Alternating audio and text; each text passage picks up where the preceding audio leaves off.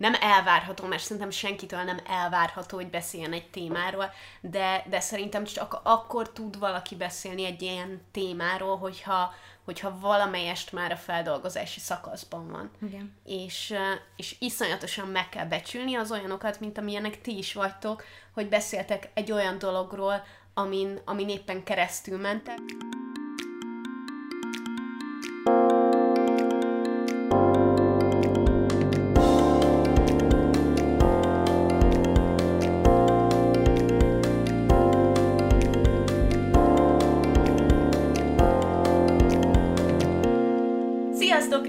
Sziasztok, ez itt a Párnacsata Podcast új epizódja, én Viki vagyok. Én pedig Júlcsi. És uh, van ma is egy nagyon különleges vendégünk, aki nem más, mint Dávid a férjem. Sziasztok, Dávid vagyok, Júlcsi férje. Nagyon szép, szép munka. A mai epizódról azt kell tudni, hogy ez a két részes évadzáró um, epizódunk első része, mert um, Jolcsival mindketten úgy gondoltuk, hogy az életünkben van olyan nagy dolog, amiről érdemes beszélni, de eddig nem mertünk, vagy nem akartunk soha az interneten, úgyhogy ez az epizód most Júlcsi és Dávid titkáról fog szólni. Fűham, intrika, intrika. Igen, így kéne elnevezni, tudjátok. Titok-e? Végre leleplezik! Titok-e az, amiről nem beszélünk nyíltan az interneten, de egyébként mondjuk a barátaink tudják? Szerintem, szerintem titok. Én abszolút titokként élem meg, mert nekem a tartalmam az interneten az mind személyes vonatkozású. Tehát ez nem azt jelenti, hogy mindent tudnak rólam, mert van sok minden ezen kívül is, amiről ma beszélni fogunk, amit nem tudnak rólam az emberek, és ez így van jól. Én nem akarok teljesen uh, transzparens lenni ilyen szempontból, vagy kitárulkozni úgymond az interneten, de minden, amit csinálok, akármilyen téma, annak köze van az életemhez és ahhoz, hogy éppen mi történik benne. De van egy olyan dolog, ami, amit, amiről nem lehet kicsit beszélni, vagy nem, nem lehet, és nekem is van egy ilyen az életemben, vagy nekünk van egy ilyen az életünkben, és Vikinek is.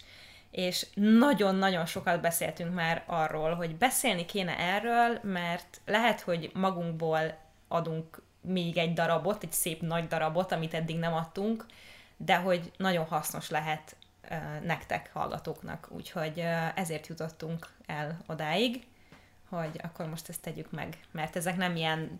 Nagyon sok olyan epizódot felvettünk már, ami, amiben belepasszolt volna ez a saját történet, de, de ezt nem lehet fél mondatban, és ezt nem lehet, nem lehet csak úgy elszólni. Lehet, hogy csak én éreztem ezt így, majd megbeszéljük nyilván, hogy Dávid, aki szintén folyamatosan tartalmat gyárt az internetre, bár más jellegűt. Mondjuk teszem hozzá, hogy a, a Pod of the Morning, amit a Twitch-en csinálsz, az, az egy személyes dolog neked is. Az nagyon személyes, de én sokkal kevésbé gyártok olyan tartalmat, ami, ami rólam szól. Tehát, hogy én igazából csak egy, egy katalizátora vagyok a történéseknek, de hogy nem én vagyok általánosságban a, a középpontja. És ez a Pod of the Morning kivételével, ami egy ilyen beszélgetős műsor, ezen kívül igazából mindenfajta tartalmamra igaz.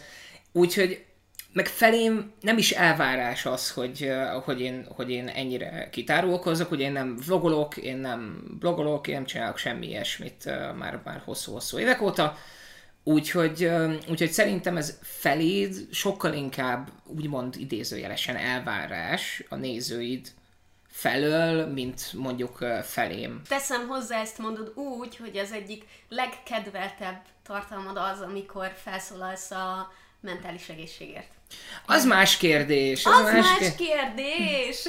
Az más kérdés, az, az én vagyok, az, az velem él, az velem van, az nem tudom függetleníteni magamtól, nem tudom függetleníteni a tartalmam, függetleníteni a tartalmamtól sem, és őszintén szóval nem is akarom, mert egész jóban lettünk a pánik meg én. Jó, de ez is egy döntés kérdése, mert mondhattad volna azt, hogy ez egy annyira, akármennyi is a mindennapjaid része, ahogy ez a téma is, amiről beszélni fogunk, tudod ezt titkolni, vagy a háttérben tartani, és amikor éppen olyan napod van, hogy nem tudsz streamelni, akkor is kitálhatsz bármi más, de te úgy döntöttél, hogy te erről beszélni fogsz, és ezáltal nagyon sok embernek segítesz.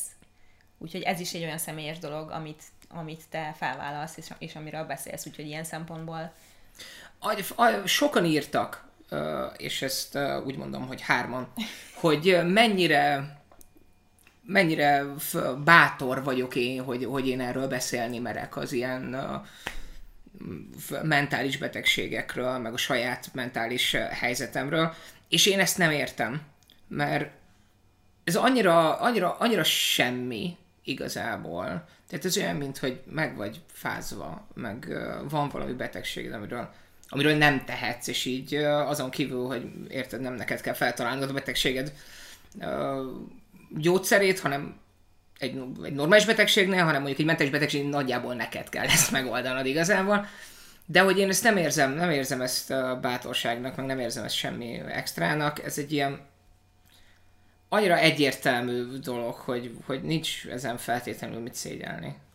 Ez abszolút így van, de ez tök jó, hogy te ezt így gondolod, de a társadalom nem így ítéli meg se a mentális egészséget, se a menstruációt, vagy bármi olyan női dolgot, ami még mindig tabuként van kezelve bizonyos szinten, pedig a természetes hozzávalója, vagy a, a, a része az életnek.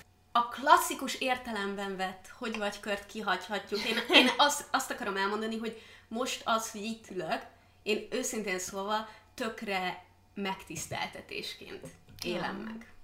Ti hogy, ti hogy érzitek magatokat, hogy, hogy most itt ütök, és először az interneten fogtok erről beszélni? Engem őszintén szólva ez a, ez a téma, ez nem, tehát hogy nem érzem kellemetlennek, hogy, hogy, erről, hogy erről beszélünk. Szerintem kell is beszélni. Gyulcsi megértette velem, hogy hány nő, meg hány pár megy ezen az egészen keresztül, és, és azt is megértette velem, amit én sokáig nem értettem, hogy az, hogy más is keresztül megy ezen, az segít. Nekem attól nem lesz jobb, hogy másnak is rossz. Igazából, de hogy ennek van egy másik oldala, hogy, hogy nem vagy egyedül ezzel a problémával, és átmegy rajta más is, és ő így oldotta meg, és így áll hozzá, és, és ezt próbálja megcsinálni, meg azt próbálja megcsinálni, hogy ez egy, hogy ez egy ilyen segítség dolog. Én nagyon izgulok, mert tényleg azt érzem, hogy az elmúlt három évben, mióta tartalmat gyártok az internetre, azóta van egy dolog, amit rejtegetek mások elől, és nem tudtam még ennyi idő alatt sem megmagyarázni pontosan, hogy miért.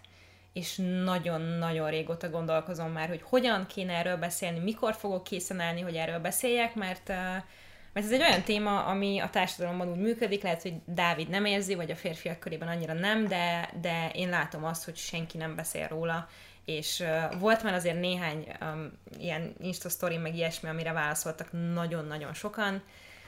Arról van szó igazából, hogy uh, Dávid meg én szeretnénk gyereket, most már mindig is szerettünk volna, én mióta az eszemet tudom, szeretnék, de most már több mint három éve mondhatjuk, hogy aktívan rajta vagyunk az ügyön, és, és ez egy elég hosszú idő ahhoz, hogy egyrészt, hogy sok mindenen keresztül mentünk már lélekben, sokféle dolgot gondoltunk, voltak hatalmas hullámvölgyek, meg hatalmas, nem, azok nem voltak hullámhegyek, voltak kevésbé rossz időszakok, de hogy ez egy olyan dolog egy ember egy pár életében, ami akár mennyire is próbálják, és nyilván sokféle hozzáállással, meg különböző időszakok, de de a mindennapoknak a része, és mindent meghatároz, attól függetlenül, hogy mennyi minden van, ami azóta történt, és történik, és foglalkozunk nagyon sok mindennel, ez mindig ott van a háttérben. És nekem azért olyan ijesztő is erről beszélni, és azért nem akartam csak így elejteni egy videóban, mert um, mert tényleg az, hogy én nekem személyes a tartalmam, és sok mindenről beszélek, például az endometriózisról is, ami akkor egy nehéz döntés volt ezt meghozni, hogy jó, akkor most ezt a videót felteszem, de onnantól kezdve már nem nehéz róla beszélni, és azt érzem, hogy nagyon-nagyon fontos volt, viszont nem szeretnék úgy létezni az interneten, hogy abszolút mindenki mindent tud rólam. És ezért ez a dolog az, ami, amit így megtartottam magamnak, hogy megpróbálom ezt egyedül kezelni, megpróbáljuk ezt egyedül végigcsinálni, és aztán majd egyszer beszélni fogok róla, és most valamiért eljutottunk ide, hogy hogy akkor most beszéljünk róla. Leginkább azért egyébként, mert két oka van. Az egyik az, hogy tudom, hogy nagyon-nagyon sokan vannak ebben a helyzetben. A másik az, hogy úgy érzem, mint az endometriózisnál is, hogy felelősséggel tartozom a közösségért, ami ide gyűlt, akár a podcast köré, akár az én YouTube csatornám köré, és tudom, hogy mekkora szükségük lenne arra, hogy valaki képviselje ezt az egész dolgot is. Nekem ez sokkal kisebb emocionális teher. Mert amikor az első pár hónapban így nem jött össze, jó, hát első pár hónap, hát nyilván nem fog összejönni. É, viszont aztán, amikor már 5-6 hónapja próbálkoztunk, akkor folyamatosan láttam Julcsin, hogy minden egyes hónapban ő neki összetörik a szívét. Minden egyes hónapban.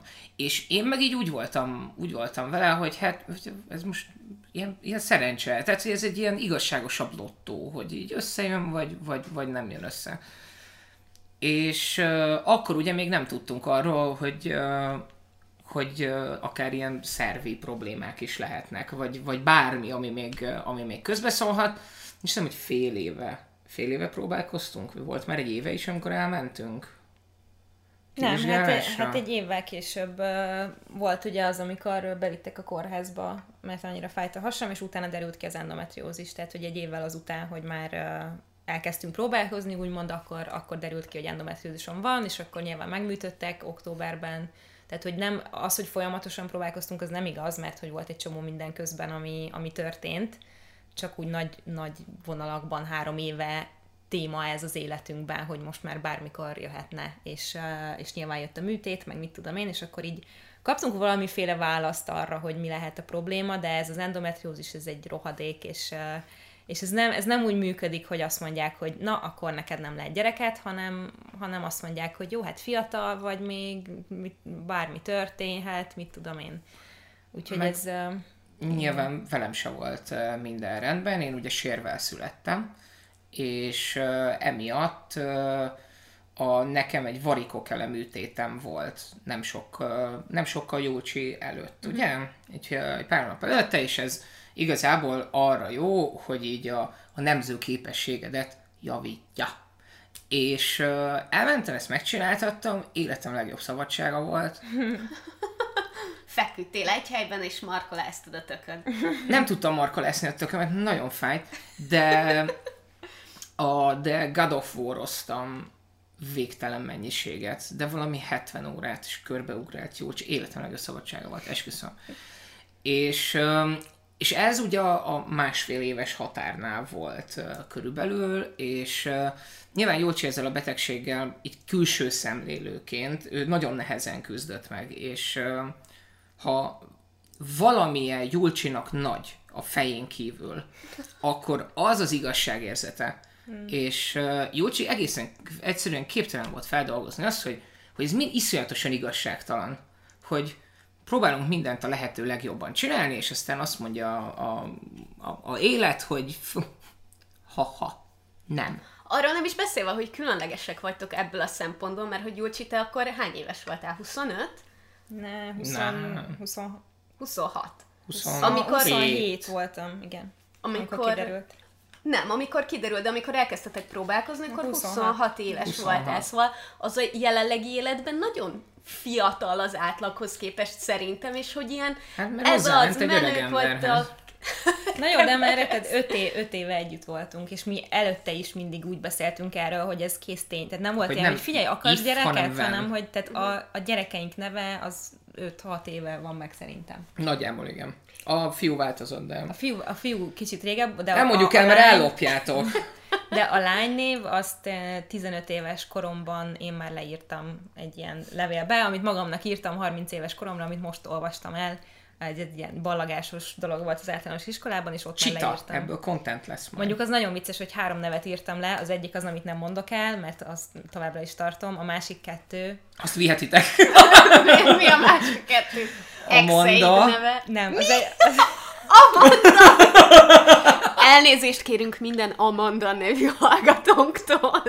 Az egyik az Amanda volt, de szerintem azért, mert a Miről álmodik a lány című fantasztikus film remek amit én nagyon szerettem, ott úgy hívták a színésznőt, de a fiú név az még durvább, és fogalmam sincs, hogy honnan jött. Annyira szeretném megfejteni, ezt visszafejteni. Ez jó lenne. Aurél.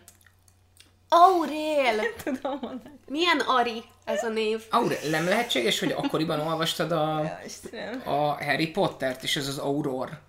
És uh, ez volt a legközelebbi hozzám. Fogal, nem Mert tudom. ezt még el tudom viselni. Nem tudom. Na mindegy, tehát, hogy én, én uh, meg nyilván ugye a Gilmore Girls nekem egy nagyon régi szerelem, és uh, kicsit bánkódtam is olyan 17 évesen, hogy hát én most már nem leszek egy Lorelai, aki 16 évesen szüli meg egy lányát. Um, szóval én mindig, én mindig is fiatal anyuka akartam lenni, de azt is leírtam a, ebbe a levélbe, hogy 26 évesen akarok férjhez menni, ez sikerült, ezt nem tudom, hogy számoltam ki ilyen jól, és aztán a levél alján ott volt, hogy uh, nincs még gyereked? Na nem már. És akkor így... Wow. Köszönöm, Júlia. Köszönöm, 15 éves Júlia, nagyon kedves. Hatalmas paraszt Kedveset oda szúrtál nekem. Um, igen, tehát, hogy nálunk ez, ez a gyerekkérdés ez soha nem volt téma, hogy igen vagy nem. Az volt, hogy mikor, és akkor jó, hát akkor házasodjunk össze, mert akkor milyen ne, szeretjük Mert egymást. akkor több jogotok lesz Igen, amúgy a gyerek igen. miatt. Igen, úgyhogy, um, úgyhogy ez sosem volt kérdés nálunk, és nyilván ezért is van az, hogy nekem baromi nehéz volt ezt az egészet uh, feldolgozni. Nem azt mondom, hogy most már sikerült, de de hogy nekem az eleje, az eleje nehezebb volt, aztán nyilván kiderült ez a betegség, Um, és ami, ami nagyon sok ilyen nagyon vicces, nem vicces, inkább szomorú uh, helyzetbe kerültünk, mert uh, Dávid műtétje és az enyém viszonylag közel volt egymáshoz, viszont az ő műtétjére azt mondták, hogy minél több idő telik el, annál jobb az esély. Az enyémre meg azt mondták, úgy küldött haza az orvos, hogy na most akkor menjen haza és essen teherbe, és akkor mondtam, hogy jó, jó, akkor ez, ez így működik. Ezt, ezt fogjuk csinálni. Ezt- Miért nem ezzel kezdte? És aztán valahányszor visszamentem hozzá, megkérdezte, hogy na, na, mondtam, hogy tudom, hogy azt tetszett mondani, hogy azonnal, de hogy ez nem így működik. Bocs a- már. a, a, ahogy, lá- ahogy ez látszik. És miután megműtöttek endometriózissal, reménykedtél benne, hogy most gyorsan akkor emiatt sikerül? Igen, hát ez, ez ugye, ez, a, ez úgy működik, hogy igen, tehát, hogy megműtenek, akkor nyilván van egy pár hét ilyen felépülési idő, de akkor van a legjobb esélyed teherbe esni, hogyha endometriósos vagy, mert hogy ahogy telik az idő, ez így visszanőnek ezek a dolgok oda, és akkor meg kell ismételni a műtétet néhány éven belül, majdnem biztosan. Úgyhogy az lett volna így a legjobb esély erre, tehát ott igazából újra kezdődtek ezek a szív összetörések és hasonló dolgok. Szerintem talán az volt a, a legnehezebb, az, az utána lévő egy év volt a legnehezebb ö, időszak ilyen szempontból. Um, ja. És, és nyilván mindehez hozzá, hozzájött az, amiért is nagyon szeretnék erről beszélni, hogy ö, hogy nagyon-nagyon sokan, hogyha valaki tartalmat gyárt az internetre, főleg nőként, házasként, 30-hoz közel, akkor ez egy ilyen egyértelmű kérdés, hogy na, na mikor jön a gyerek, mikor jön a baba. És hogyha ezt nem hallottam két milliószor, ezt a kérdést, akkor egyszer sem. Valahányszor ilyen Instagram Q&A vagy bármilyet csinálok, mindig van legalább három ember, aki megkérdezi. Van És, olyan ö, videód, ami alatt kommentben nincs ott? Van olyan videóm, de szerintem e- egyszer volt rá, nagyon emlékszem, nem tudom már, hogy milyen videó volt, de valaki odaírta, hogy, hogy akkor mikor jön már a gyerek, és valaki, egy nézőm odaírta, hogy ha nézed Julcsi videóit, akkor tudod, hogy, hogy endometriózisa van, ami a meddőséget, és akkor nem kérdezel ilyen dolgokat, mert hogy az érzéketlenség. És akkor így válaszolt, hogy jaj, hát ő nem akart semmi rosszat, és mit tudom én. És az a helyzet, hogy én tudom azt, hogy azok az emberek, akik ezt a kérdést felteszik, az így a, a szeretet oldaláról jön, és, és tényleg onnan, hogy jaj, de jó szülő lennél, milyen cuki lesz a gyerek, milyen szép lesz, mit tudom én, de muszáj azt megtanulnunk, hogyha valakinek nincs gyereke, annak millió és egy oka lehet, onnantól kezdve, hogy nem akar, bármi miatt, odáig, hogy nem lehet neki, és mondjuk ez a legnagyobb szívfájdalma az életben, és nagyon nem oké az, hogy vadidegenektől, akár ismerősöktől, akár családon belül ilyeneket kérdezünk. És nyilván ezt egy kicsit ki lehet azzal játszani, hogy, hogy valaki nyíltan beszél róla, hogy mi a helyzet ezzel kapcsolatban, de nem mindenki áll rá készen, én három évig nem álltam rá készen, úgyhogy, úgyhogy ez egy nehéz ügy, és ezért szerintem mindenkinek egy kicsit máshogy kell hozzáállnia ehhez az egész témához. Én annyit, annyival finomítanám ezt, hogy szerintem mindenki fel tudja mérni az életében lévő emberekkel való kapcsolatát annyira, hogy tudja, hogy ez egy olyan téma amit megpengethet. Tehát, hogy a másik ember mondjuk, hogyha ha valami para van, akkor azt elmondaná-e, hogy szeretne-e róla beszélni. De Nagyon idealista vagy. Én naív vagyok, Ah. és uh, én mindig is, uh, mindig is naív voltam, és ezt nagyon szeretem magamban, mert uh, sokkal kevesebb fájdalom ér, mint amennyi boldogságot okoz nekem a, a, a saját naívságom. És uh, az én naívságom igazából az a, az a abból nő ki, az a pozitív hozzáállás ehhez az egészhez, ami miatt én nem török össze. Én attól félek igazából a legjobban, és ezt Júlcsinak is mondtam, amikor volt egy ilyen mély, mély völgyünk éppen ebben az egészben, hogy én nagyon szeretnék gyereket, mert szerintem mi jó szülők leszünk, nekem végre licenszem lesz arra, hogy játékokat vegyek, nem az, hogy csak be kell csempésznem a lakásba. Emellett pedig tényleg, tényleg nagyon szeretnék apuka lenni, mert szerintem az egy, az egy, az egy fasza dolog lesz. De nem akarok odáig eljutni a, a, a gyerekért folytatott harcban, hogy megkeseredünk benne nem akarom soha az életemben azt érezni, hogy nem tudok valaki más örömének örülni, azért mert nekem az nem adatik meg még, vagy nem adatik meg egyáltalán. És uh, szerintem ez az a megkeseredettség, ami, ami hosszú távon tönkreteszi az egész élményt.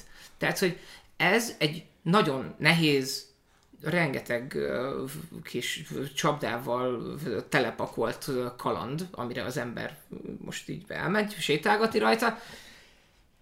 Nem minden jó benne, de a végcél az egy, az egy baromi jó dolog. És én úgy vagyok ezzel az egésszel, hogy ha összejön, parádé. Ha nem jön össze, nem ez az egyetlen út a boldogsághoz hanem ezer és egy másik út van a boldogsághoz. Azt viszont nem vagyok hajlandó ö, csinálni, hogy hosszú-hosszú évekig a boldogságomat ettől az egy dologtól teszem függővé, mert ha ez nincsen, akkor én nem lehetek boldog. Szerintem ez az, ami megkeserít egy kapcsolatot, és nincs az a végtelenül cuki, gyönyörű, okos gyerek, mert milyen más lenne, érted? Ami megéri a azt, szeretem majd azt a hogy, hogy ezt a kapcsolatot feladjam érte. Nincs, nincs az a gyerek. És uh, ja, szóval én, én, én pozitív vagyok, közben egy kicsit realista, uh, de én nem engedhetem meg magamnak, hogy, hogy, hogy összetörjek minden hónapban, mert az egyikünknek nem szabad, és Julcsi nem tehet ellene. És vol, volt már vagy milyen gyakran konfliktusotok ebből? Ebből konkrétan nem volt szerintem, nagyon-nagyon-nagyon sokat beszéltünk róla. Nyilván, amikor éppen valami olyan történt, ami, ami így extrán rárakott erre az egészre, akkor voltak ilyen nagyon érzelmes beszélgetéseink, de igazából nagyon nagy szerencse az, hogy, hogy Dávid ezt így tudja kezelni mert én nem tudom így kezelni, és most már én is sokkal jobban kezelem, de tényleg volt egy sokkal jobban. Egy nettó másfél év, amikor, amikor borzalmas volt, és nagyon rosszul éreztem magam, um, mert nekem, nekem ez, ez egy folyamatos küzdelem, hogy ami, amit, amit most elmondtál, az, az egy nagyon példás hozzáállás ez az egészhez, de és bárcsak én is tudnám ezt így csinálni, csak bennem annyi érzelem van, és, és nyilván az, hogy én mindig is ezt akartam, és nagyon akartam, és eszembe se jutott, hogy nem lehet. És uh, igen, az igazságérzetem az egyik leggyengébb pontom, tehát, hogy minden, minden helyzetben ez így, um, ez így megmutatkozik az életemben. Próbálom kezelni, amennyire tudom, de nagyon nehéz, mert annyira zsigerből jön, hogy egyszerűen nem, tehát így emlékeztetnem kell magamat, hogy jól van nyugi, az élet nem igazságos, de hogy amikor azt látom, hogy, olyan emberek, nagyon sok olyan ember tud egy uh, attól teherbe esni, hogy valaki rápislog, akinek nem kéne szülőnek lenni, amikor egy rossz szülőt látok, amikor azt látom, hogy rosszul bánnak egy gyerekkel, amikor tehát, hogy nem értem azt, mert nyilván nem tudhatjuk, de azt gondolom én is, hogy jó szülők lennénk, és, és nem tudom ezt összerakni, hogy miért nem lehet. Ha, ha a másiknak lehet, akkor, akkor nekem miért nem. Mit csináltam rosszul? Mi, mi az, amit nem csinálok jól, ami miatt én ezt kapom, és közben meg szerintem ez a rossz gondolat mert És általában ide folyik ki az hát összes ilyen beszélgetésünk, rossz. hogy mit csináltam én rosszul, mit tehetnék én jobban. Nem, ez, azt kell megérteni, hogy ez egy 60%-ig rajtad múlik, és aztán ott van 40% ami meg, amivel nem, nem tudsz mit csinálni, és uh, én hajlandó vagyok ezt kiengedni a kezemből, és azt mondani, hogy igen, csak ha, ha, ha nagyon csúnyán akarom jellemezni magam, akkor én egy, egy igazságharcos control freak vagyok. Oh, nyolc éve vagyunk együtt, és már megtanultam azt, hogy ne fejezzem be ezt a mondatot, pedig control freaket akartam mondani, de megkérdezhetett nyugodtan Kacit, hogy én mekkora control freak vagyok, de, de nem, nem, nem mindenben. Nem, nem mindenben. És ezt meg úgy érzem, hogy mint sok minden mást a fejemben. Én ezt is túl romanticizálom, hogy, hogy de hát ennek ilyen, ilyen szép dolognak kéne, kéne lennie, és, és lehetséges, hogy, lehetséges, hogy küzdelmes, de lehet, hogy attól még jobb lesz, hogy mi ezért, mi ezért megküzdöttünk. Sőt, én az a helyzet, hogy én már sokkal tovább mentem a fejemben. Tehát, hogy mondtam azt, hogy mi van, hogyha, hogy ez egy egyszerűen nem lehet. Hogy nem, nem működik. Akkor mi van, hogyha örökbe fogadunk? És akkor így elgondolkoztam azon, hogy úristen, mennyire beleillen a mi személyiségünkbe egyébként az, hogy nem még egy valakit hozunk a világra, hanem megmentünk valakit, aki már itt van, csak szarul. Úgyhogy, úgyhogy az, az van, hogy, hogy én lehetséges, hogy én túl naív és túl pozitív vagyok, de ezekben a helyzetekben nagyon jól jön. Igen, csak az a baj, hogy, hogy ez is egy, egy ilyen probléma, mert hogyha nekem azt mondja egy orvos bármelyik pontjánál ennek az elmúlt három évnek, hogy figyelj, neked nem lehet gyereked, az egy teljesen más dolog. Mert akkor tudom, hogy jó, akkor ez van, ezt most feldolgozom, sírok egy hónapig, aztán tovább lépek, és kitalálom, hogy mi legyen, de nem ez van, és nem mondják ezt. Hanem azt mondják, hogy igazából lehet, mert fiatal vagy, meg minden szerved rendben van, csak hát így nem tudom, Szóval e, engem, nekem ez az, ami extra megnehezíti az egészet, hogy nem az van, hogy valami ki van mondva, és ahhoz én alkalmazkodom, hanem az van, hogy igazából bármi megtörténhet, csak nem történik meg, és várom, és próbálok érte tenni, de közben próbálok nem csak ezzel foglalkozni, mert én sem akarom azt, hogy felemészze az életünket, a, a, a, a jelenlegi időszakot, akár több évet az, hogy ezen rugózunk. Én ilyet nem tudok, és tudom, hogy vannak párok, akik, akik a végletekig elmennek, és bármit és mindent megtennének ezért. Mi nem ilyenek vagyunk, mert ezt én sem akarom, nem akarom, hogy csak erről szóljon minden, de iszonyú nehéz ezt, ezt egyensúlyban tartani, hogy reménykedsz is, bízol benne, próbálod úgy csinálni a dolgokat, de közben nem csak ebbe kapaszkodsz, és nem csak erre gondolsz, hanem, hanem így megosztani az életedben a figyelmet mindenfelé, hogyha van egy olyan dolog, amit nagyon szeretnél, és nem sikerül, akkor az baromi nehéz elengedni, és, és helyre rakni magadban azt, hogy most akkor mi a helyzet. Szerintem rohadt nehéz az, hogy egyrészt, amiről már, már sokat beszéltünk így egymás között is, hogy nagyon sokat oktatnak a fogamzásgátlásról, és, és úgy csinálunk, mint hogyha bárki egy perc alatt teherbe eshetne, ami az emberek egy részére egyébként igaz is, Igen. de, de hogyha valaki pedig gyereket szeretne, és sokáig próbálkozik, és, és nem sikerül neki, akkor is mindig csak a sikersztorikat halljuk, amikor valaki azt mondja, hogy képzeljétek, teherbe estem, de eddig soha nem szóltam róla egy szót se, hogy egyébként öt éve próbálkozunk. Uh-huh. És azokról pedig egyáltalán nem hallunk, akiknek mondjuk soha nem sikerül uh-huh. saját gyereket nem zeniük, vagy nem tudom ezt hogy kell mondani. Igen. Igen, és ez egy nehéz, nehéz téma, és szerintem ez itt a, ez itt a legnagyobb különbség, az egyik legnagyobb különbség, hogy egyébként ez a, ez a teherbeesés, ez a gyereknemzés, ez, nagyon úgy állítja be az egész társadalom, hogy a nő. A nő az azért van, csak ő tud új életet hozni ebbe a világba.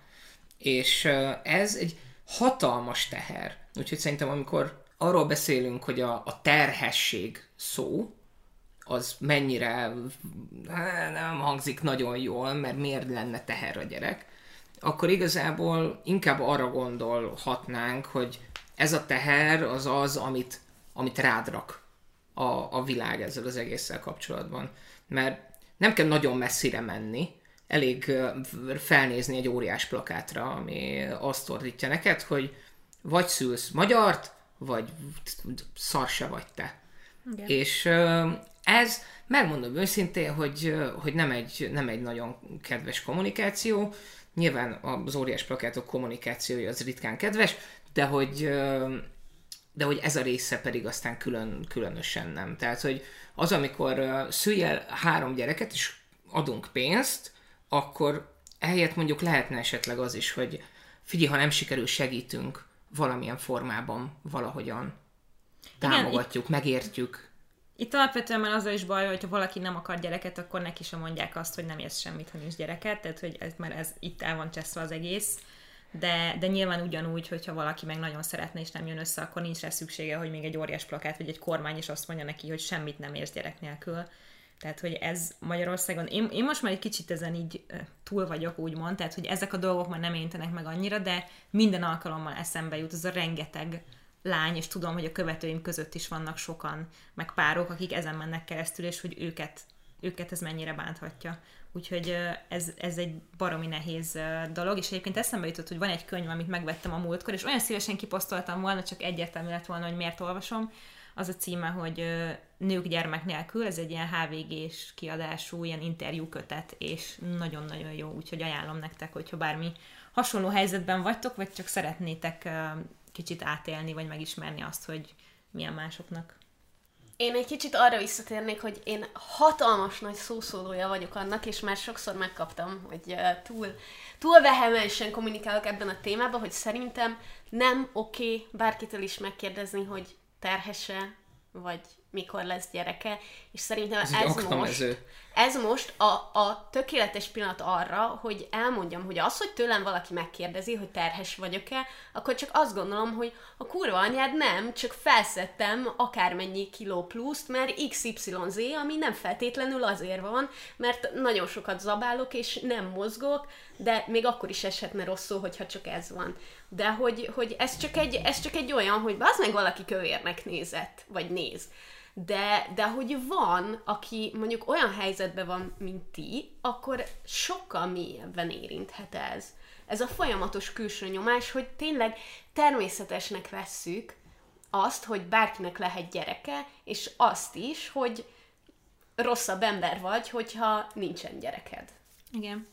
És uh, egyébként ez, e, ezen a, a vonalon van egy uh, olyan aspektusa az endometriózisnak, amiről sose beszéltem még értelemszerűen, az egyik az, hogy nagyon tipikus tünet az endobelly-nek hívott dolog, ami azt jelenti, hogy a menstruáció előtt olyan szinten fel vagy puffadva, ami sok nőnél természetes és előfordul, de hogy annyira extrém ez endometrius esetében, hogy úgy nézel ki, mintha 5 hónapos terhes lennél.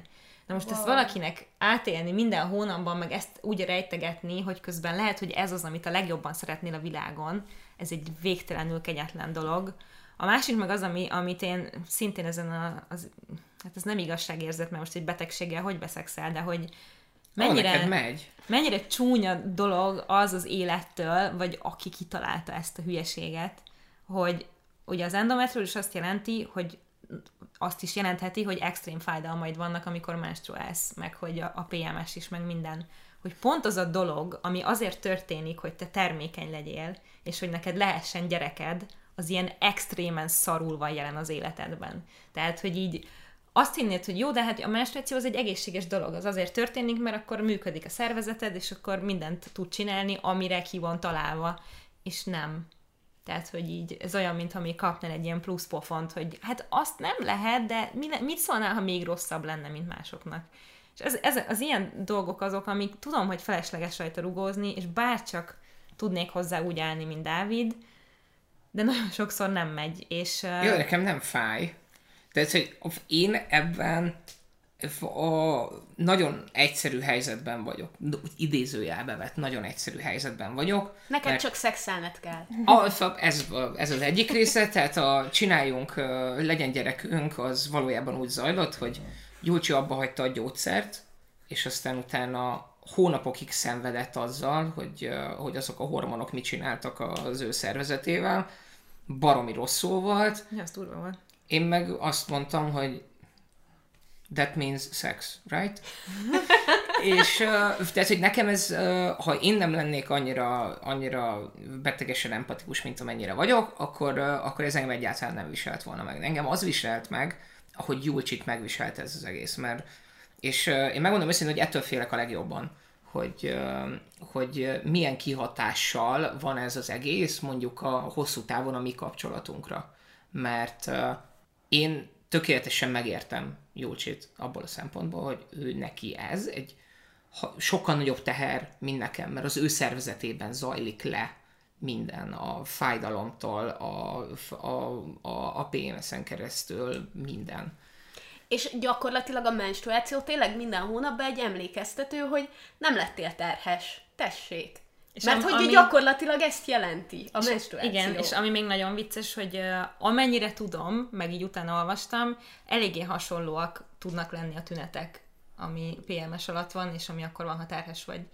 És ez megint egy ilyen, ú, most már, na, már nagyon régóta nem uh, izgatom fel magam ilyeneken, de volt egy időszak, amikor így hány ingerem volt, és így egyből eszembe jutott, hogy Jézusom, remélem hányni fogok, remélem valami, tudod, a, mert, hogy, mert hogy így van összerakva az ember, hogy, hogy az ilyen kis rezgéseket azonnal felismeri, és annak gondolja, aminek szeretné. A melfeszülés. És, és mindenki például. azt mondja, fáj a melled, akkor terhes vagy. Igen, pedig nem csak menstruálsz valószínűleg, de hogy, hogy nagyon sok olyan jelzése van tényleg a női testnek, tehát abban zajlanak le ilyen dolgok, ami, ami, ami bármi lehet, és, és volt nekem is egy időszak, mondom, amikor ennek mind külön jelentőséget tulajdonítottam, és minél inkább elkezdesz reménykedni, annál nagyobbat fog csalódni, és akkor van, hogy jó, már nem reménykedek, de hát nem kéne reménykedni, nem az a lényeg ebben az egészben, hogy én ezt akarom, és akkor reménykedek. Úgyhogy én mondjuk nekem nyilván másodpercenként 6000 érzésem van, úgyhogy lehet, hogy ez még jobban megnehezíti ezt az egészet, hogy, hogy mindenen is keresztül mentem már ezzel kapcsolatban, de tudom, hogy nagyon sokan vannak, akik hasonlóan vannak ezzel. Tőled kérdezik egyébként, a, hogy mikor jön a baba? Nem, azt, hogy mikor költözünk össze, aztán mikor házasodunk meg, de, de rólam elég sok éve a környezetemben mindenki tudja, hogy nem akarok, nem érdekel a házasság, és nem akarok gyereket. Szóval, hogy, hogy nyilván ennek is megvannak a, a negatív vonatkozásai, így a környezetet tekintve, tehát amikor megkapom azt, hogy nem gondolod, hogy önzőség, hogy nem akarsz gyereket, és én erre azt mondom, hogy nem gondolod, hogy önzőség, hogy akarsz gyereket? Ki fog rólad gondoskodni, hogyha majd öreg leszel? Nem gondolod egyébként, hogy önzőség, hogy csak azért létrehozol egy új életet, hogy majd gondoskodj rólad, amikor te már nem tudsz magadról? Szóval ezekre mind, mind, mind vissza lehet szólni, úgymond, és, és vissza lehet vágni azzal, hogy pont ugyanannyi indokod lehet arra, hogy miért nem akarsz gyereket, mint hogy akarsz gyereket, csak egy természetes dolog, hogy akarsz és lesz gyereket. Igen. Szóval, hogy nem választásként kezeljük, és pont ezért van szerintem, hogy azt is tanuljuk, hogy, hogy mi a fogamzásgátlás, mert hogy amíg nem akarsz gyereket, védd meg magad a terhességtől, mert hogyha egyetlen egy gyógyszert kihagysz, akkor már teherbe eshet. De hogy arról nem beszélünk soha, hogy ez egy választás kérdése, és amikor tudatosan gyereket akarsz, akkor sem Szóval ez nem egy, ez nem egy ilyen garantált dolog, de, de mindenhol azt tanuljuk, hogy ez nem csak egy garantált dolog, de természetes dolog, Igen. és hogy egy freak vagy, hogyha, hogyha nem akarsz, vagy hogyha nem sikerül. Igen. Mert én olyannal is találkoztam, és elképesztő módon felcsesz, amikor, amikor nem csak megkérdezik, hogy mikor lesz gyerek, meg miért nincs gyerek, hanem amikor azt mondják, hogy hogy nem véletlenül nem jön össze az a gyerek, hogy a, a nem tudom, a lombik az természetellenes is, hogy, hogy nem, akármilyen retardációval jönnek világra a lombikba. Be, nem és kell több el... lipsi a világban. Pontosan. És elképesztően felháborít, hogy emberek úgy érzik, hogy nekik véleményük kell legyen, és ki kell nyilvánítaniuk a véleményüket azzal kapcsolatban, hogy kinek és milyen módon lesz vagy nem lesz gyereke. Igen, és az, az a legdurvább. Az utóbbi időben ezen gondolkoztam. Mármint az meg mi köze van valakinek ahhoz, hogy mi van a méhemhez, mert bocsánat, Semmi. de felháborít. Semmi, igen. Hogy, hogy tényleg ez a, ez a gyerekkérdés, ez úgy van belénk nevelve valahogy társadalmi szinten, hogy természetes, normális. Megházasodsz, gyereket szülsz, mit tudom én, izé, és szerintem emiatt nagyon kevesen gondolják át úgy rendesen, hogy akarok-e én gyereket, és hogy az mivel jár, és mit kell vele csinálni, mert hogy kész tényként fogadjuk azt el, hogy persze, hát mi az, hogy nincs gyerekem, hát ez nagyon fura, hogy nincs gyereke valakinek, és emiatt az annak, akinek mondjuk ez egy sokkal hosszabb idő, és nem jön össze, mert az, hogy pár hónapig nem jön össze, az egy dolog, akkor még nagyon benne vagy, hogy jó, de majd a következőbe, és akkor így visszalendüled, de amikor évek telnek el, akkor annyi időd van ezen gondolkodni, és amellett, hogy ezen gondolkodsz, hogy van-e valami, én nem vagyok nagyon spirituális, de megmondom őszintén, hogy sokat gondolkoztam az utóbbi időben, hogy milyen jó lenne, ha az lennék, mert akkor legalább valakitől megkérdezhetném ott az égben, vagy, vagy elolvashatnám a horoszkópomat, vagy, tehát hogy lenne valami, amiben kapaszkodok, a, a, a helyet, hogy hát ez egy ilyen random véletlen dolog, és majd lesz valami. Eljutottunk te... odáig, és volt egy pillanat, amikor már uh, kerestél valami ilyesmit, akine, akit Igen. el lehet küldeni a picsába. De te, Mert, uh, te ateista vagy? Te úgy hiszed, hogy nincsen semmilyen felsőbb rendű dolog, ami nem, nem, az? Nem, csak én nem hiszek konkrétan semmiben. Én, én vagy te agnosztikus vagy. Én nem, én nem szeretem, hogyha így azt mondják nekem, hogy nézd, ez így van, kész, tessék, ezt így olvasd uh-huh. el, és akkor ez hidd el, mert ez így van. Hanem én én azt mondom, hogy mindenki abban hisz, amiben akar, amíg ezzel másokat nem bánt, és, és tök jó, hogyha valakinek van valami, amit így el tud fogadni, én nem tudom, tehát hogy ne, én, én szeretném ezt majd egyszer így magamtól megfogalmazni, vagy, vagy nem is tudom.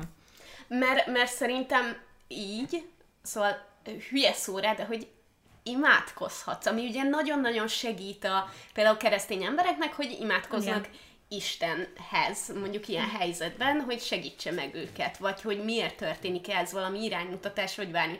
De hogy te ezt ugyanúgy megteheted, hogy a este a párnádnak magadban elsüttogod, hogy bárcsak, jaj, de jó lenne élet, hogyha ezt megadnád, vagy legalább segíts ezt most elviselni. Igen, igen. Ez, ez jó lenne, és ez tényleg egy olyan kapaszkodó, ami, amire egy időben azt gondoltam, hogy valami kell. Mert Volt nem, egy pár nem, hónap, nem bírom, nem azt, tudom.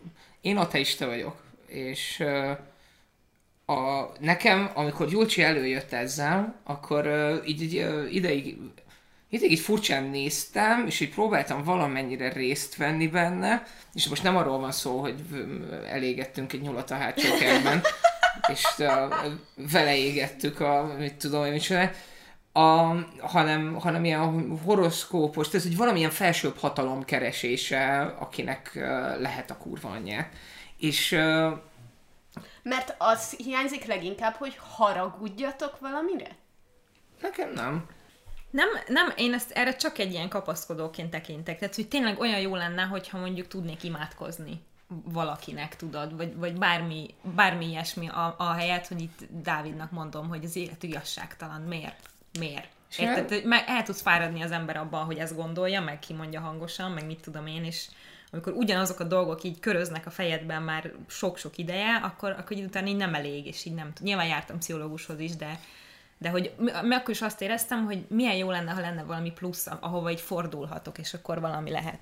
De azt akartam ebből az egészből kihozni, hogy, hogy nyilván ilyenkor nagyon sok minden bejön még a képbe, ha ennyi időd van gondolkodni, ami szerintem nem egy rossz dolog, mert mert ezt rendesen át kell gondolni, ez nem, ez nem egy, egy dolog, hogy jó, persze jöhet a gyerek, hanem át kell gondolnod, hogy ez mit jelent, az egész életed, de ez befolyásolja, és, és mit tudom én, és szerintem abból lesz az igazán jó szülő, aki ezt fel tudja mérni, amennyire tudja előre, hogy ez mit jelent, és hogy akkor nem fogod elveszíteni magad az egészben, mert nem csak így beleugrasz, és majd lesz, ami lesz, hanem tényleg átgondolod, és szerintem kevesen vannak, akik ezt ennyire átgondolják, de akinek ennyi ideje van átgondolni, az, az mindenféle irányba elmehet. Nyilvánvalóan szóba jött ez a klímaszorongás is, a mi esetünkben is, vagyis engem mindenképpen elgondolkoztatott, hogy oké, okay, most szülök egy gyereket, de mire 30 éves lesz, lesz még egy bolygó, amin élni fog? Vagy... Nekem ez az egyik indokom, amiért Igen, és szerintem, szerintem ez egy nagyon erős indok, és abszolút megértem, és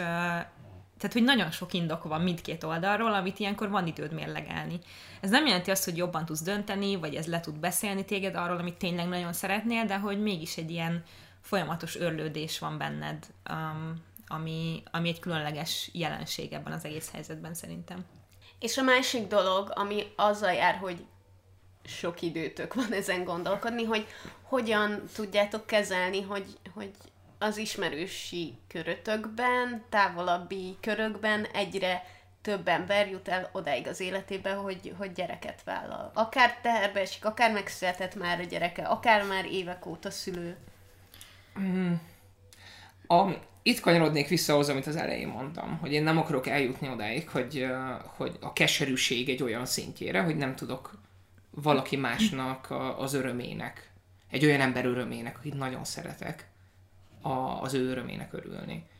És vannak jobb napok, és vannak, vannak, vannak rosszabb napok. Nyilván az ember nem tudja megállni azt, hogy ne reflektáljon a saját helyzetére, amikor lát egy, lát egy másik embert.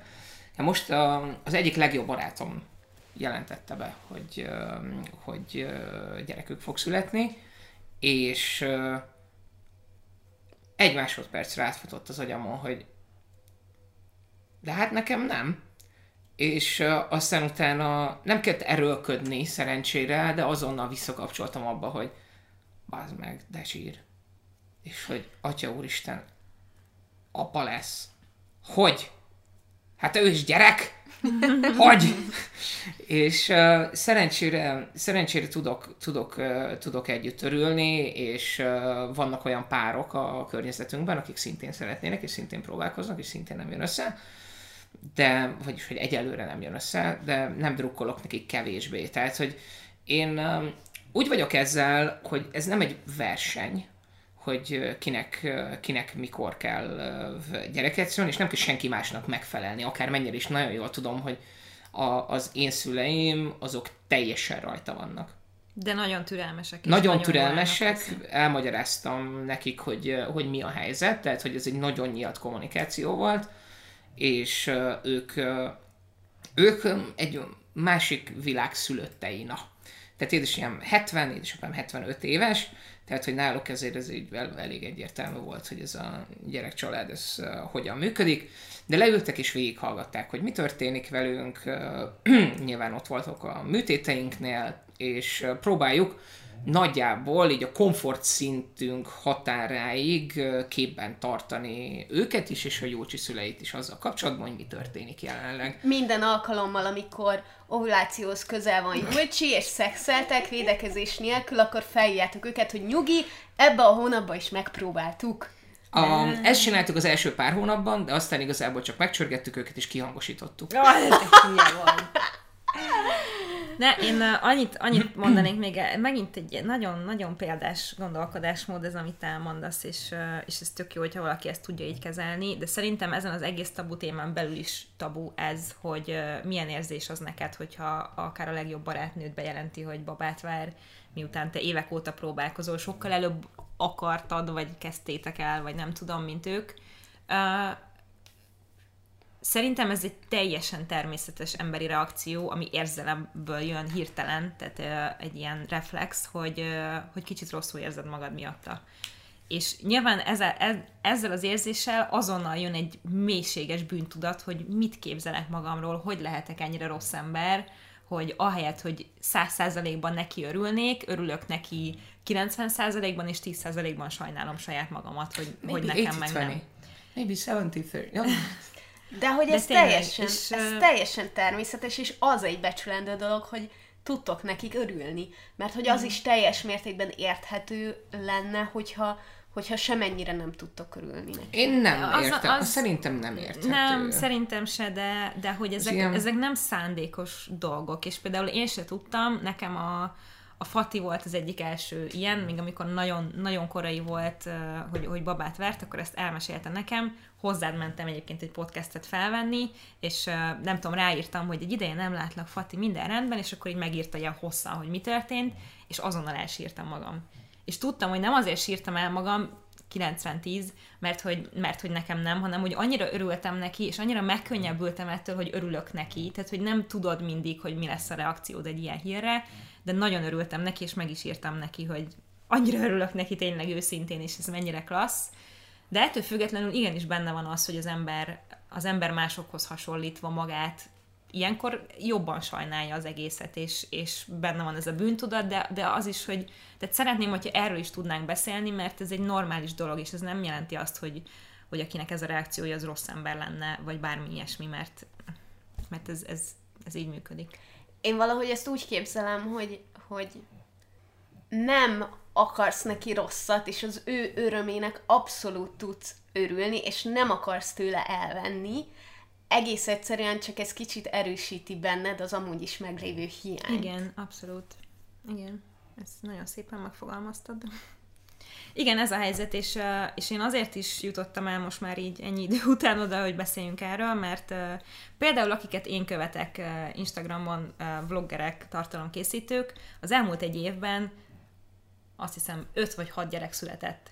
és ez egy nagyon-nagyon klassz dolog, és csodálatos, és mindegyikünknek nagyon örülök, hogy gyönyörű gyerekeik vannak, és itt már nem is rólam van szó, hanem arról, hogy egyébként is ebben az influencer világban úgy jelennek meg a tartalomkészítők, mint akik tökéletesek, és nagyon szépek, és mindent jól csinálnak, és hogyha valakinek éppen erről szól az élete, vagy ez a legnagyobb nehézség az életében, hogy nagyon szeretne gyereket, és azt látja, hogy az influencerek sorban szülik a gyerekeket, akkor ez egy olyan még nagyobb ilyen pofon neki, amiről senki nem tehet, és nem arról van szó, hogy ez, ez bármi miatt rossz lenne, hogy, hogy ezt nagyon nehéz lehet feldolgozni és megélni, hogyha azt látod, hogy nem csak a saját környezetedben, de az interneten is ez mindenkinek olyan nagyon könnyen megy, és közben nem tudod, hogy neki könnyen mente, mert azt látod, hogy, hogy ő, ő is bejelentette, ő is bejelentette, ő is babát vár, jaj, de jó, mert azok meg, mint például én, akik meg ugyanabban a cipőben vannak, mint ők, nem beszélnek róla, mert nehéz erről beszélni.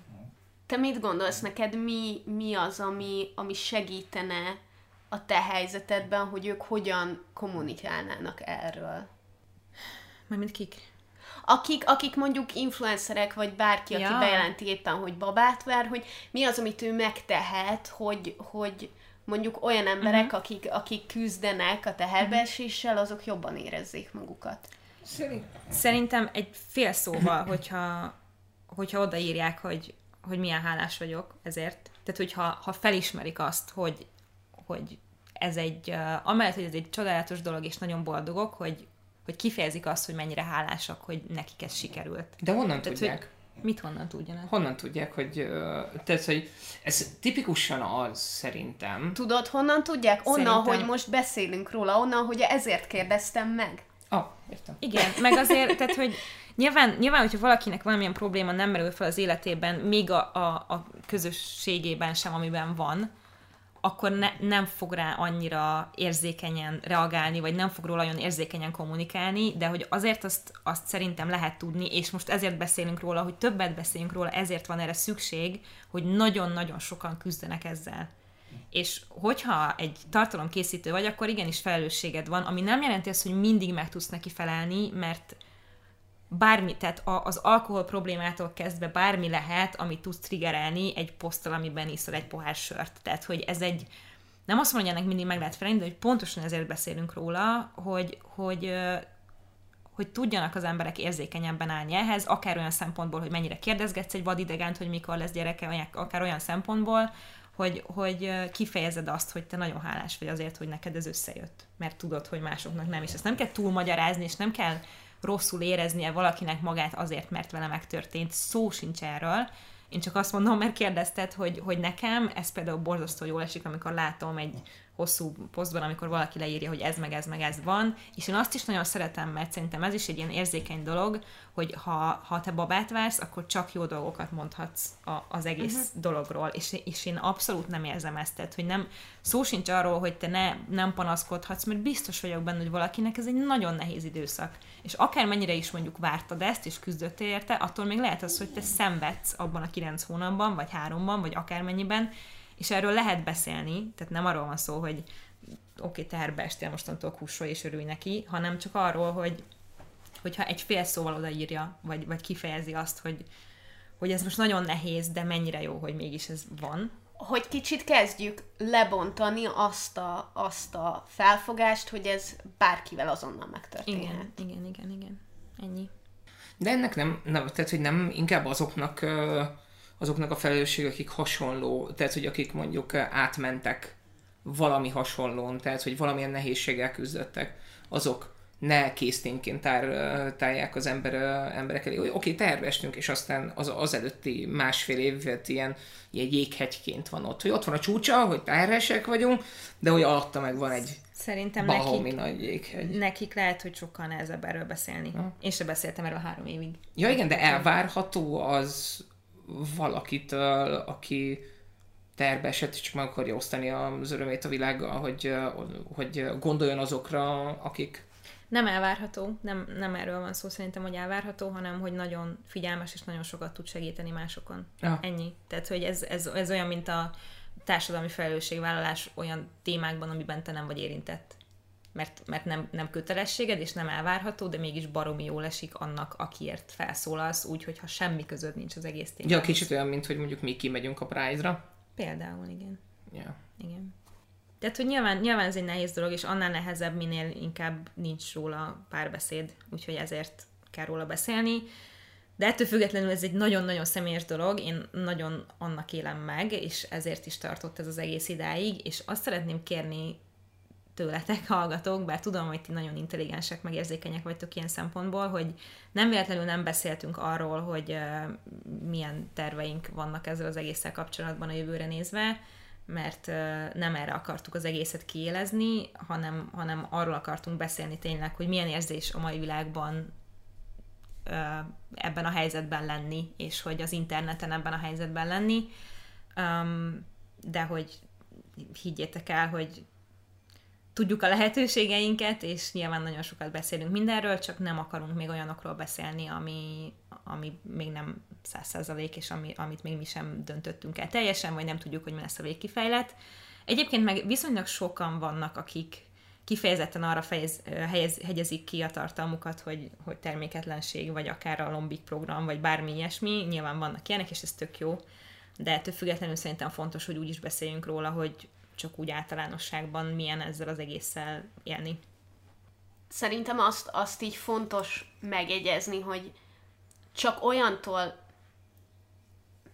hát nem, ne, nem elvárható, mert szerintem senkitől nem elvárható, hogy beszéljen egy témáról, de, de szerintem csak akkor tud valaki beszélni egy ilyen témáról, hogyha, hogyha valamelyest már a feldolgozási szakaszban van. Igen. És, és iszonyatosan meg kell becsülni az olyanokat, mint amilyenek ti is vagytok, hogy beszéltek egy olyan dologról, amin, amin éppen keresztül mentek, és azt pedig szerintem mindenkinek tiszteletben kell tartani, ahogy mondjuk nyilvánosan nem akartok beszélni olyan dolgokról, amik mondjuk éppen most történnek, akár olyan beszélgetésekről, olyan, olyan közös gondolkodásokról, hogy, hogy nektek milyen legyen a jövőtök ezt a témát tekintve. Uh-huh. A, beszélgettünk erről is a Jolcsi valami előtt, amikor mondta, hogy fel fogjuk venni ezt a podcastet, hogy van-e kedvem, és hogy meddig érzem én az egészet kényelmesnek, hogy, hogy elmenjünk odáig. És a, én azt mondtam, hogy miért ne beszélhetnénk a terveinkről, miért ne beszélhetnénk arról, hogy, hogy milyen, milyen lépéseket tervezünk a jövőre. Azért meg nyolcan írnák, hogy ezt a cseppet kezd el igen, szedni, igen. és akkor majd holnap terhes leszel. Na, Jócsi levezette ezt nekem, hogy, hogy miért, miért nem szeretne lehetőségekről, miért csak arról beszélünk, ami már mögöttünk van, és miért nem beszélünk arról, ami előttünk van. És az a helyzet, hogy ez nem egy, tehát hogy Gyucsi elmagyarázta, és az én fejemben ez úgy, úgy működik, hogy ez, ez nem Annyira egy update. szépen mondtad ezt. Micsoda? Azt, hogy nem azt mondtad, hogy Gyulcsi ezt mondta, hanem hogy ez benned így csapódott le. Vagy te ezt vetted le belőle. Igen, mert hogy nagyon, ez egy hosszú, hosszú beszélgetés volt, és én csak próbáltam leszűrni a lényeget, hogy nem, ez igazából nem egy már nem, nem úgy értem. Mondjad, mondjad, hogy mi jött le neked. Hogy ez nem egy update azzal kapcsolatban, hogy mi van velünk, hanem egy ilyen kicsit az érzékenyítés vonala, egy kicsit azért az is, hogy, hogy, hogy Julcsi most így lead magáról egy terhet, amit úgy, érez, úgy érzett, hogy, hogy, hogy itt titkolt a közösség elől, ami igazából szerintem hülyeség, mert azért nem feltétlenül így van, mert Nem hülyeség, sok... csak te nem így csináltad volna. Nem, nem, tehát a titkolás, tehát hogy nem, uh-huh. nem titok, meg nem titkolt Isten igazából semmit. Tehát, hogy Azért, azért titkoltam, mert, mert én általában nyilván jókedvű vagyok, de azt is megosztom, hogyha nem, viszont nem mondhatom el, hogy miért. És uh, ezt sose fogom elfelejteni, volt egy videóm tavaly februárban, vagy nem tudom, hogy amiben, amiben azt mondtam el, hogy nagyon rossz időszakot élek éppen, de nem tudom elmondani, hogy miért, és akkor utána beszéltem tovább, és az első komment az volt alatta, hogy ha nem mondod el, hogy mi a baj, akkor egyáltalán miért hozott fel, hogy van valami baj, leiratkoztam, szia.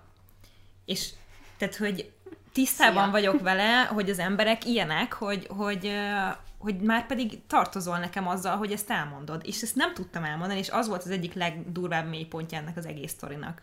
És, és azért érzem úgy, hogy, hogy titkolóztam, mert nagyon sokszor ez az időmet is felemészti.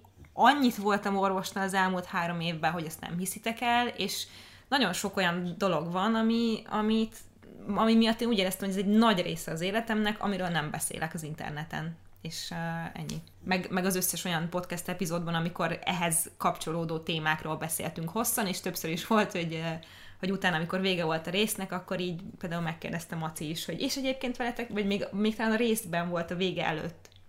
Nem emlékszel, és megkérdezte Maci, hogy és ti amúgy nem akartok gyereket, és akkor mondtam, hogy ezt majd megbeszéljük utána, jó? Mert hogy nem tudok válaszolni erre élőadásban erre a kérdésre. Tehát az ilyen helyzetek miatt érzem én úgy, hogy ezt, ezt titkolni kellett, úgymond. Dávid, te erről amúgy beszélnél? Vagy miért nem beszéltél eddig róla? Hát Tőlem nem kérdezi ezt a kutya sem. Ezt, ezt nőktől kérdezik. Ez nem igaz egyébként, mert emlékszem, amikor voltunk közös streamben, hogy ott valaki kérdezte, és biztos vagyok benne, hogy többször is, hogy és nektek mikor lesz gyereketek? Hát azért, mert ott voltál te is. Hát Mert, hogy- mert a, a nőnek a hogy méhéről van szó. A nőnek a méhéről van szó, és ö, nekem nincs, úgyhogy ö, a társadalom azt mondta, hogy nekem egy nagyon pici részem van ebben az egészben, ezt a, az emberiség elfogadta, és innentől kezdve ez nem egy téma. Isten igazából.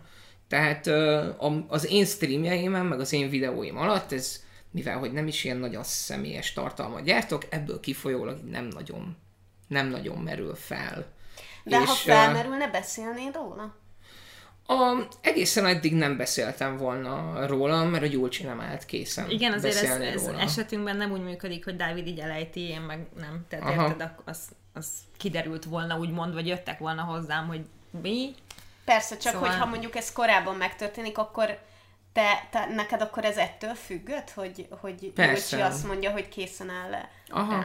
Szerint, a, én, és, és ezt most a, le, az, a szó összes szeretetével, a, szerintem egy picit túl van misztifikálva ez a gyerek, gyerekvállalás dolog, meg meg tehát én nem, nem érzem ezt nem érzem ezt ennyire tabunak ezt, ezt a részét. De ez pont, pontosan, és ebben, ebben a, az életnek ez az aspektusa az, amiben a legélesebb szerintem a nők és a férfiak közötti nagyon alapvető különbség. Hogy hogyan éljük meg ezt, a, meg ezt az egészet. Nyilván a, csak még annyit, mielőtt, mielőtt lezárjuk a témát, már ha mást is akartok mondani, hogy azért a, nőknek ugye ez a gyerekvállalás alaphelyzetben is tervezéssel jár, hogy jó, akkor a karrierem hol fog tartani, akkor mikor kell elmennem, vissza tudok-e menni oda dolgozni, és az a helyzet, hogy ha ez még megvan extrázva egy ilyen várakozási időszakkal, ami akárhány év is lehet, akkor ez a része még jobban megbonyolódik, mert hogy most akkor itt maradjak-e addig, vagy ne, ezt számoljak ezzel, hogy ez mikor fog megtörténni, mert fogalmam sincs, hogy mikor fog megtörténni, vagy, vagy ne. Tehát ilyen szempontból nyilván a férfiakra ez a része sincs akkora hatással, mert mert lehet, hogy mit tudom én, munkahelyváltás, vagy bármi lesz, hogyha egyszer sikerül, de egy nőnek ezt sokkal jobban meg kell terveznie, és hogyha valami van, amit nem tudsz megtervezni, az csak még jobban megbonyolítja ezt a helyzetet is. Ja, meg ö, itt jön be az, hogy ö, én, én kevésbé vagyok ebből a szempontból a, a, a tervezős. Tehát, hogy én azt látom, hogy ezt akármennyire, akárhogyan megtervezed, ö, én össze fogok rakni egy, hogy hívják? Nem játszol. Abban a kis Jézus volt. A Kiságyra gondolsz? kis egy, de vannak, van, van egy, van egy szép neve. gondolsz?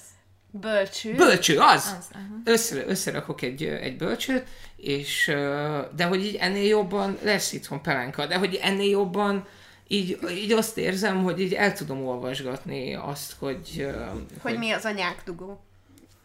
Nem Majd Viki még elmondja tudni. neked, ő mindent Nekem ezeket nem kell tudnom. Majd akkor jobb, hogyha tudod, Szigorúan de... a fejnél fogok állni, becsukom a szemem. Nekem a, az ég azt osztotta, hogy, hogy én egy férfi vagyok, és nekem azt kell tudnom, hogy ha a feleségem nutellás uborkát akar enni, akkor nekem hoznom kell nutellás uborkát, mert ő azt akarja most berakni az arcába, különben sírni fog. És részemről ez tökéletesen rendben van, én cserébe csak annyit kérek, hogy hadd lássam ebből a bare minimumot. Ott vagyok, lehet engem szorítani, bármilyen légzési technikát megtanulok, és megtanítok, és levezénylek. Nem neked kell majd megszülni a gyereket, ne izgulj. Hogy tud nektek a környezetetek segíteni, vagy hogy tudunk mondjuk úgy érdeklődni, hogy ez ne legyen tolakodó, vagy ne okozzon fájdalmat, vagy mi az, amiben segíteni tudjuk ezt, a, ezt az utatokat, vagy ezt a helyzeteteket? Tőlem kérdez, és én meg majd mondom, mi a helyzet. Mi? Nem. Hát szerintem most már egy olyan szinten vagyunk, hogy nyilván akikkel beszélünk erről, az a bármi, tehát hogy az, az már nem, nem probléma. Tehát, hogy ez egy döntés, hogy mikor kinek mondod el, érzed úgy, hogy most vele beszélni akarok erről, és onnantól kezdve szerintem nincs benne tabu. De biztos vagyok benne, hogy ez, ez mindenkinek az esetében máshogy működik. Tehát mi borzasztó szerencsések vagyunk, család szempontjából is, mert senki nem baszogat minket ilyen dolgokkal, tisztában vannak vele, hogy mi a helyzet, és mindig megvárják, hogy majd mi, majd mi mesélünk, hogyha akarunk valamit, vagy nem, és a barátokkal is ugyanez a helyzet, úgyhogy, úgyhogy nem. Én csak az ilyen idegenek által érkező kérdésekre gondolok, de hogy e, e, ebből is eljutottam odáig, hogy ha nem tud, nyilván az, az érzékenyítés miatt szerintem fontos, hogy ne kérdezgessük ezt össze-vissza, de közben meg azt is tudom, hogy nem haragudhatok valakire azért, mert ezt szeretetből megkérdezi tőlem, mert nem tudja, hogy mi a helyzet. Szóval, hogy ez egy nehéz dolog, de pontosan ezért kell óvatosabban fogalmazni, szerintem bárkitől is kérdezünk ilyet. Megkérnélek titeket, hogy nem is tudom mire. Tudom, hogy jó fejek vagytok, meg érzékenyek. Mm, azt hiszem, hogy tippeket nem kérünk, nagyon kedvesek vagytok, hogyha ti kértek egymástól, akkor nyugodtan, de, de úgy egyébként szerintem megoldjuk ezt a részét. Viszont, hogyha szeretnétek ti is megosztani hasonló történeteket, vagy bármi ilyesmi, akkor annak mindig örülünk a poszt alatt a Facebook csoportunkban, aminek, ha még nem vagytok a tagjai, akkor Párnacsata néven megtaláljátok, és három kérdésre válaszolva tudtok majd oda belépni. Ha pedig szeretnétek, e-mailt is írhat, írhattok nekünk a párnacsata podcast gmail.com-ra, amit nagyon ritkán csekkolunk egyébként, Igen. és többször kéne. Illetve, hogyha szeretnétek támogatni a podcastet, akkor azt a patreon.com per párnacsata oldalon tehetitek. Patreon! Igen, és ugye ez a harmadik évadunknak az első záró epizódja volt, úgyhogy lesz még egy, és utána tartani fogunk egy kis szünetet, még nem beszéltük meg, hogy mekkorát, de az a lényeg, hogy még egy epizód jön ezen kívül, és egyébként meg menjetek vissza, és hallgassátok meg a régebbieket, mert biztos, hogy mindent nem hallottátok még, Legalábbis nem mondd ezt, hogy biztos vannak emberek, akik azt mondják, hogy alig várom a következő részt, mert már mindegyiket meghallgattam kétszer. Én meg így ülök, hogy mi bajod van? Hogy lehetsz ennyire egy cuki ember a világon? Igen, Viki, úgy értettem, mi bajod van, hogy nagyon szeretünk, és köszönjük szépen. De ha még nem De egy kicsit úgy is, hogy hallottatok mindent, akkor, akkor menjetek vissza, és nagyon köszönjük, hogy ismét itt voltatok velünk, és köszönjük Dávidnak is, hogy... A linkjeit megtaláljátok mindenhol. Igen. Mindenhol ott vagyok. Már úgyis tudjátok, hogy sok mindent csinál az interneten. Ja. Na jó, akkor uh, sziasztok! sziasztok! Sziasztok! Jó, egyre furán elköszönéseket csinálsz az elmúlt időben.